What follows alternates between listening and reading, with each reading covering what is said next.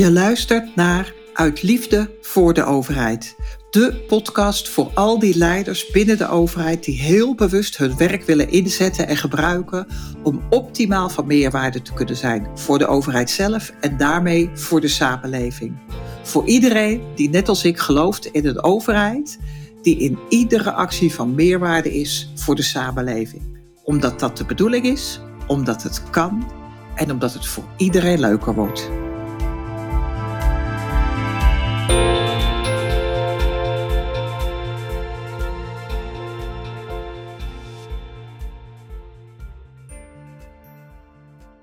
Without a vision, people perish. Zonder visie verwildert het volk. Dat is niet iets wat ik zelf heb verzonnen, maar dat staat in de Bijbel. En ik zelf vind dat mooi. Niet dat ik ineens heel bijbelvast ben of zo, maar ik vind het wel mooi dat zo'n uitspraak dan in een document staat wat al zo ongelooflijk lang meegaat. En het klopt. Het klopt als een bus. Weet je, als we als mensheid, als gemeenschap, als land, als persoon, als we geen visie hebben waarmee we ons leven richting geven, ja, dan dwarrelen we alle kanten op. Ik zeg ook wel eens, dan ben je als een, als een roeibootje op de oceaan overgeleverd aan de wind en aan de golven. En dan bepaal je niet meer zelf waar je terecht komt, maar dan laat je dat aan een ander, aan omstandigheden over. Ik werk intussen alweer zo'n 15 jaar als zelfstandig trainer en coach voor overheden. En ik werk altijd, ik begin altijd met de visie. Wat is de visie van de organisatie? Wat is de visie op de toekomst? Of het nou een hele organisatie is, of het is een bepaald team, het is een bepaald vakgebied. Ik begin altijd met de visie. En daar hoort eigenlijk wel een grappige anekdote bij, want dat is namelijk niet altijd zo geweest. Ik weet nog heel goed, ik was een jaar of dertig. Ik was net afdelingshoofd van een afdeling bouwzaken en ik was gewoon aan de slag gegaan. Ik had daarvoor, een, denk drie jaar of zo, werkte ik al op die afdeling als uh, juridisch adviseur. Dus ik had wel goed zicht op wat er goed ging en waarvan ik vond dat dingen beter konden. En daar was ik gewoon mee aan de slag gegaan. En ik was daar denk ik, nou misschien drie kwart jaar of zo mee bezig. En toen ineens werd er in het MT besproken dat we allemaal een visie moesten maken. Nou, op zich, weet je, als iemand mij uh, dat vraagt en uitlegt, dan doe ik dat. Maar hier begon de schoen te wringen, want degene die dat vroeg aan mij, die kon het mij niet goed uitleggen. Waarom dan? En ik had dat wel gevraagd. Dus ja, wat maakt dan dat ik die visie nodig heb? En wat levert het mij op? En, en ik begreep het gewoon niet. En ik heb in eerste instantie, moet ik heel eerlijk bekennen, heel lang gedacht dat dat aan mij lag. En pas later dacht ik, nee, dat lag niet aan mij, dat lag aan hem. Hij kon het mij gewoon niet goed uitleggen. Want toen ik als zelfstandige begon, kwam ik heel snel in aanraking met Simon Sinek, Start with Why. Als je die niet kent, dan zou ik je adviseren om op YouTube, daar is de TED Talk van te, te bekijken. Dus 18 minuten. Die man die legt het zo briljant uit. Uh, daar heb ik hem dus van gepakt, zeg maar, en nooit meer losgelaten. Dus sinds, hè, ik weet nog dat ik toen een keer tegen mijn leidinggevende zei, omdat hij het mij maar niet uitgelegd kreeg. En ik raakte daar ook een beetje gefrustreerd van. En toen heb ik een keer tegen hem gezegd, ja, visie, visie, vind je het goed dat ik gewoon aan het werk ga?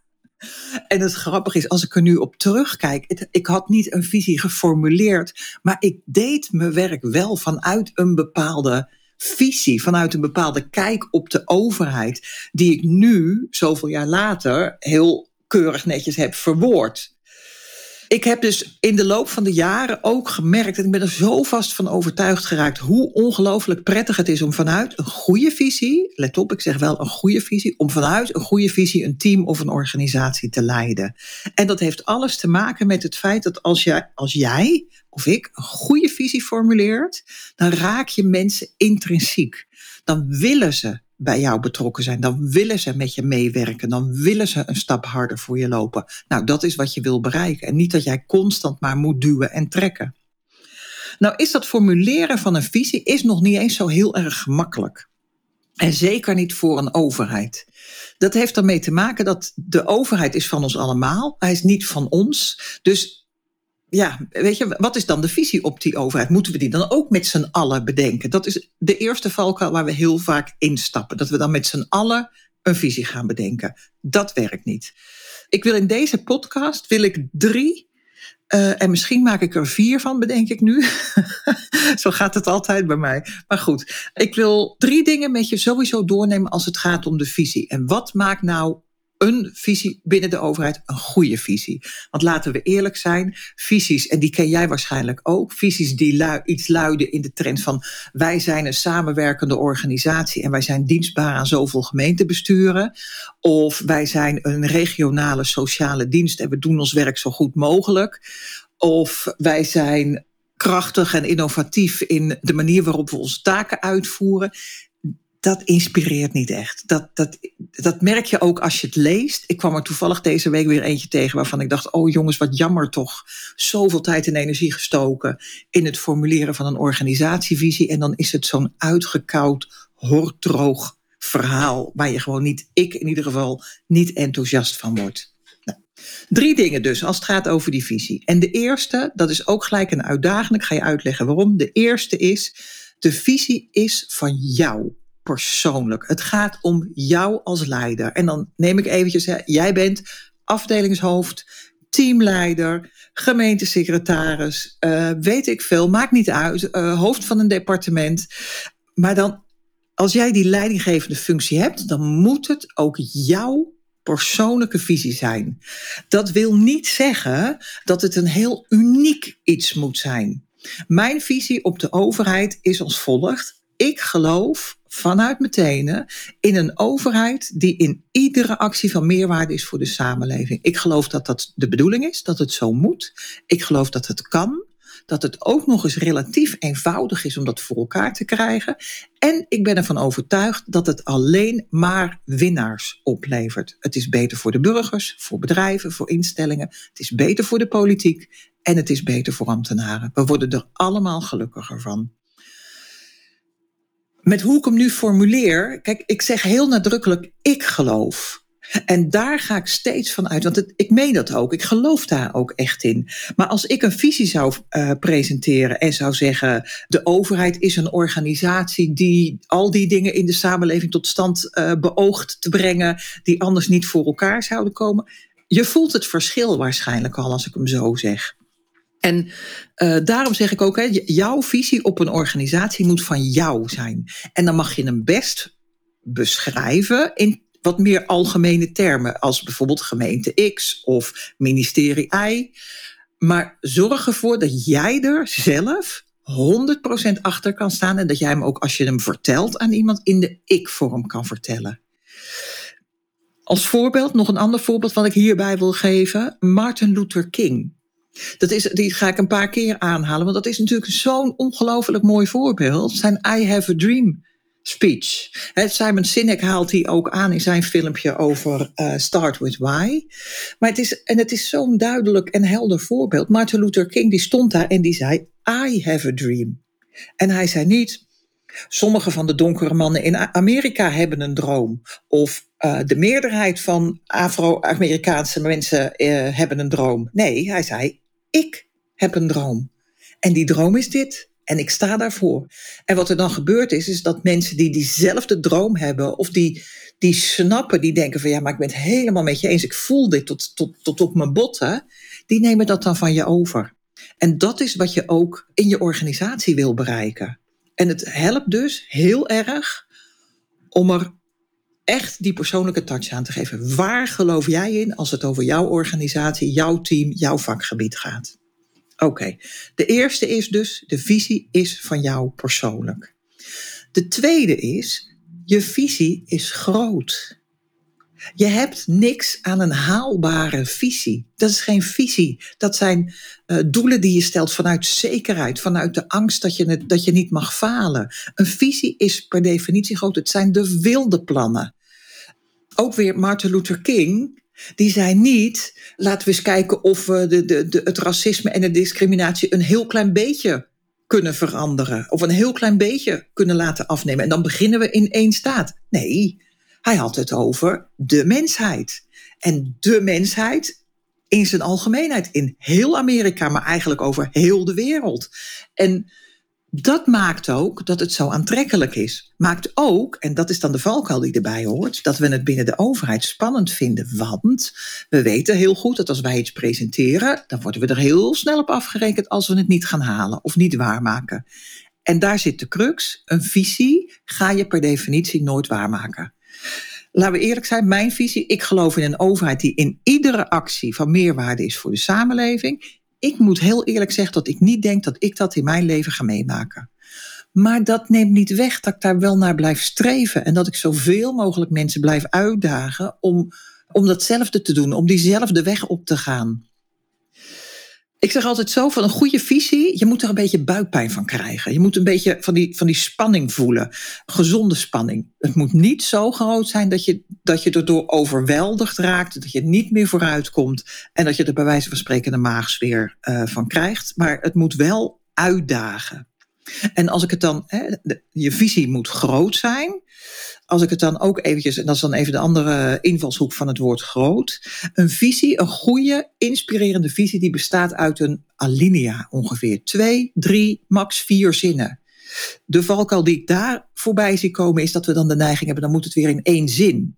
En dan wordt het of zo'n hele lange typisch ambtenarenzin, of het wordt een soort slogan waar je nog alle kanten mee, uh, mee op kan en waar niemand zich in herkent. Of of ja, oké, is prima, prima slogan, maar wat betekent het dan precies? Dus zorg ervoor dat je alinea de twee, drie, vier zinnen is. Ja, alinea, je visie natuurlijk. Oké, dus je visie is van jou persoonlijk, je visie is groot. En de derde, je visie is inspirerend.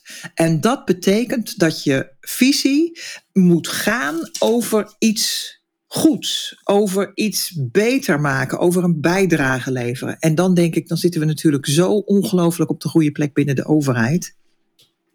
Nog eventjes terug op, hè, je visie moet inspirerend zijn. Wat leuk is om te weten misschien is dat het woord inspiratie, dat komt vanuit het Latijnse woord inspirare.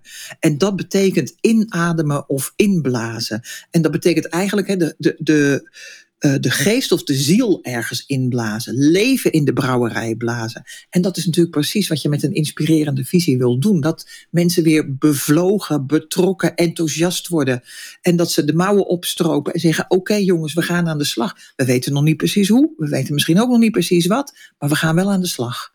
En dat is in mijn beleving echt wat er nodig is binnen de overheid. Niet meer alles van tevoren helemaal uitdenken en dooddenken vooral en doorkouwen, maar mouwen opstropen, ga eens experimenteren, ga dingen doen. En dat kan je als je een inspirerende visie hebt.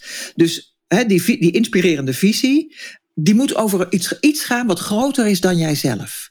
En dan kom ik weer op dat voorbeeld van hoe gemeenten dat nu tot vaak doen. Dan wordt het meer een beschrijving van wat we doen. we ondersteunen het gemeentebestuur, we helpen ze om goede besluiten te nemen.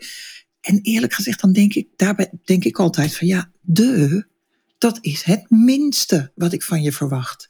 Maar ik verwacht eigenlijk veel meer daarbovenop. En niet vanuit een, ik wil de lat extra hoog leggen of ik ben zoveel eisend. Maar ook vanuit een, dat ik, vooral vanuit een, dat ik van mening ben dat het de bedoeling is. En dat het zo ongelooflijk veel leuker en beter voor iedereen wordt. Oké. Dus even samenvattend, een goede visie is van jou persoonlijk. Jij gelooft ergens in, jij staat ergens voor. Hij is groot. Je krijgt er een beetje buikpijn van. Het zijn min of meer wilde plannen. En uh, als laatste, hij is inspirerend. Het gaat over iets wat groter is dan jezelf, over iets op het gebied van een bijdrage leveren, de wereld mooier maken. Nou, dat soort dingen. De samenleving mooier maken. En laten we eerlijk zijn, ja, die, die, die ligt voor het grijpen natuurlijk binnen de overheid. Als je nou die visie geformuleerd hebt, ongeveer een alinea lang, drie, vier zinnen, dan zul je zien, en dat kan je natuurlijk heel makkelijk uittesten, dan zal je zien dat je heel gemakkelijk daar mensen intrinsiek mee weet te motiveren. Ik was toevallig vorige week had ik een eerste sessie met een team facilitair. En nou, wat ik al eerder zei, ik begin altijd met een visie. Die was er niet. Dus die heb ik dan samen met de teamleider heb ik die geformuleerd. En ik help daar altijd bij als het gaat om hoe bouw je die zinnen op, zodanig dat het ook echt pakkend is. En ik maak daar dan ook nog een presentatie van. waar ook weer een aantal slimme trucjes in zitten, zodat ik, het is met beeld, het is met geluid, het is met tekst, zodat ik alle zintuigen van mijn publiek hoe zeg je dat, uh, trigger.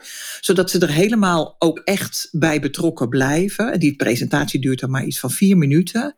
En dan vraag ik naderhand van, nou, wat doet dit met jullie? En dan zegt een, een senior adviseur, die zegt dan, ja, ik krijg hier wel echt heel veel energie van. En dan word ik zo blij. Want dat is, laten we ook eerlijk zijn, hè, dat zijn dan meestal toch de mensen waarvan we denken, nou, die zitten er al zo lang en die zijn helemaal ingekakt en noem maar op. En juist hij zei als eerste, ik krijg hier zoveel energie van, ik wil hier heel graag mee aan de slag. En dat is wat je, wat je wil bereiken. En dat is dus wat je kan bereiken door een goede visie neer te zetten.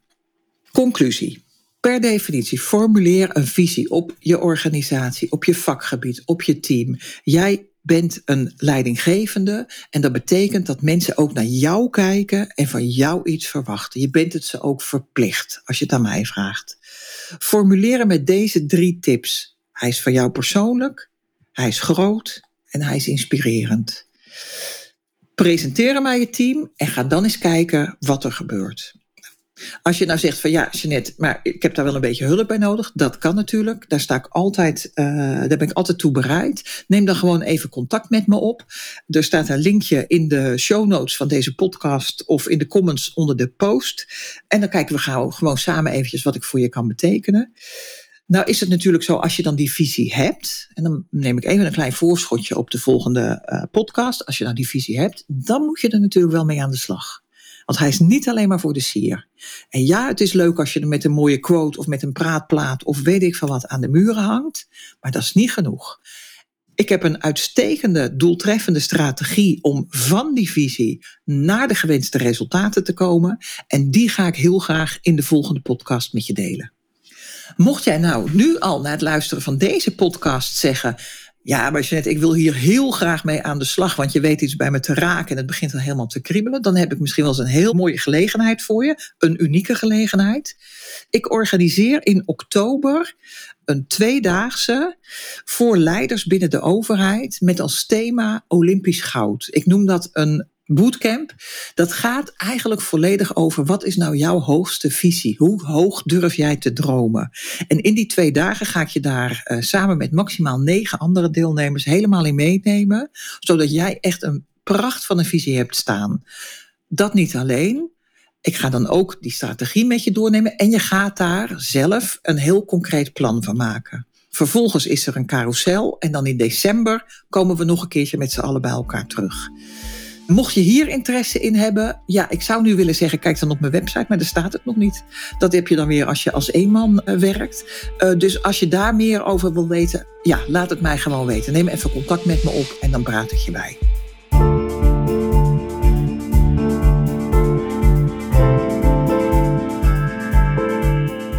Dit was een aflevering van Uit Liefde voor de Overheid. Het is mijn missie om van meerwaarde te zijn voor de samenleving waarvan ik deel uitmaak. Om al mijn talenten, kennis en inzichten en ervaringen optimaal in te zetten ten behoeve van het grotere geheel, namelijk een betere overheid. Omdat een betere overheid leidt tot een mooiere samenleving.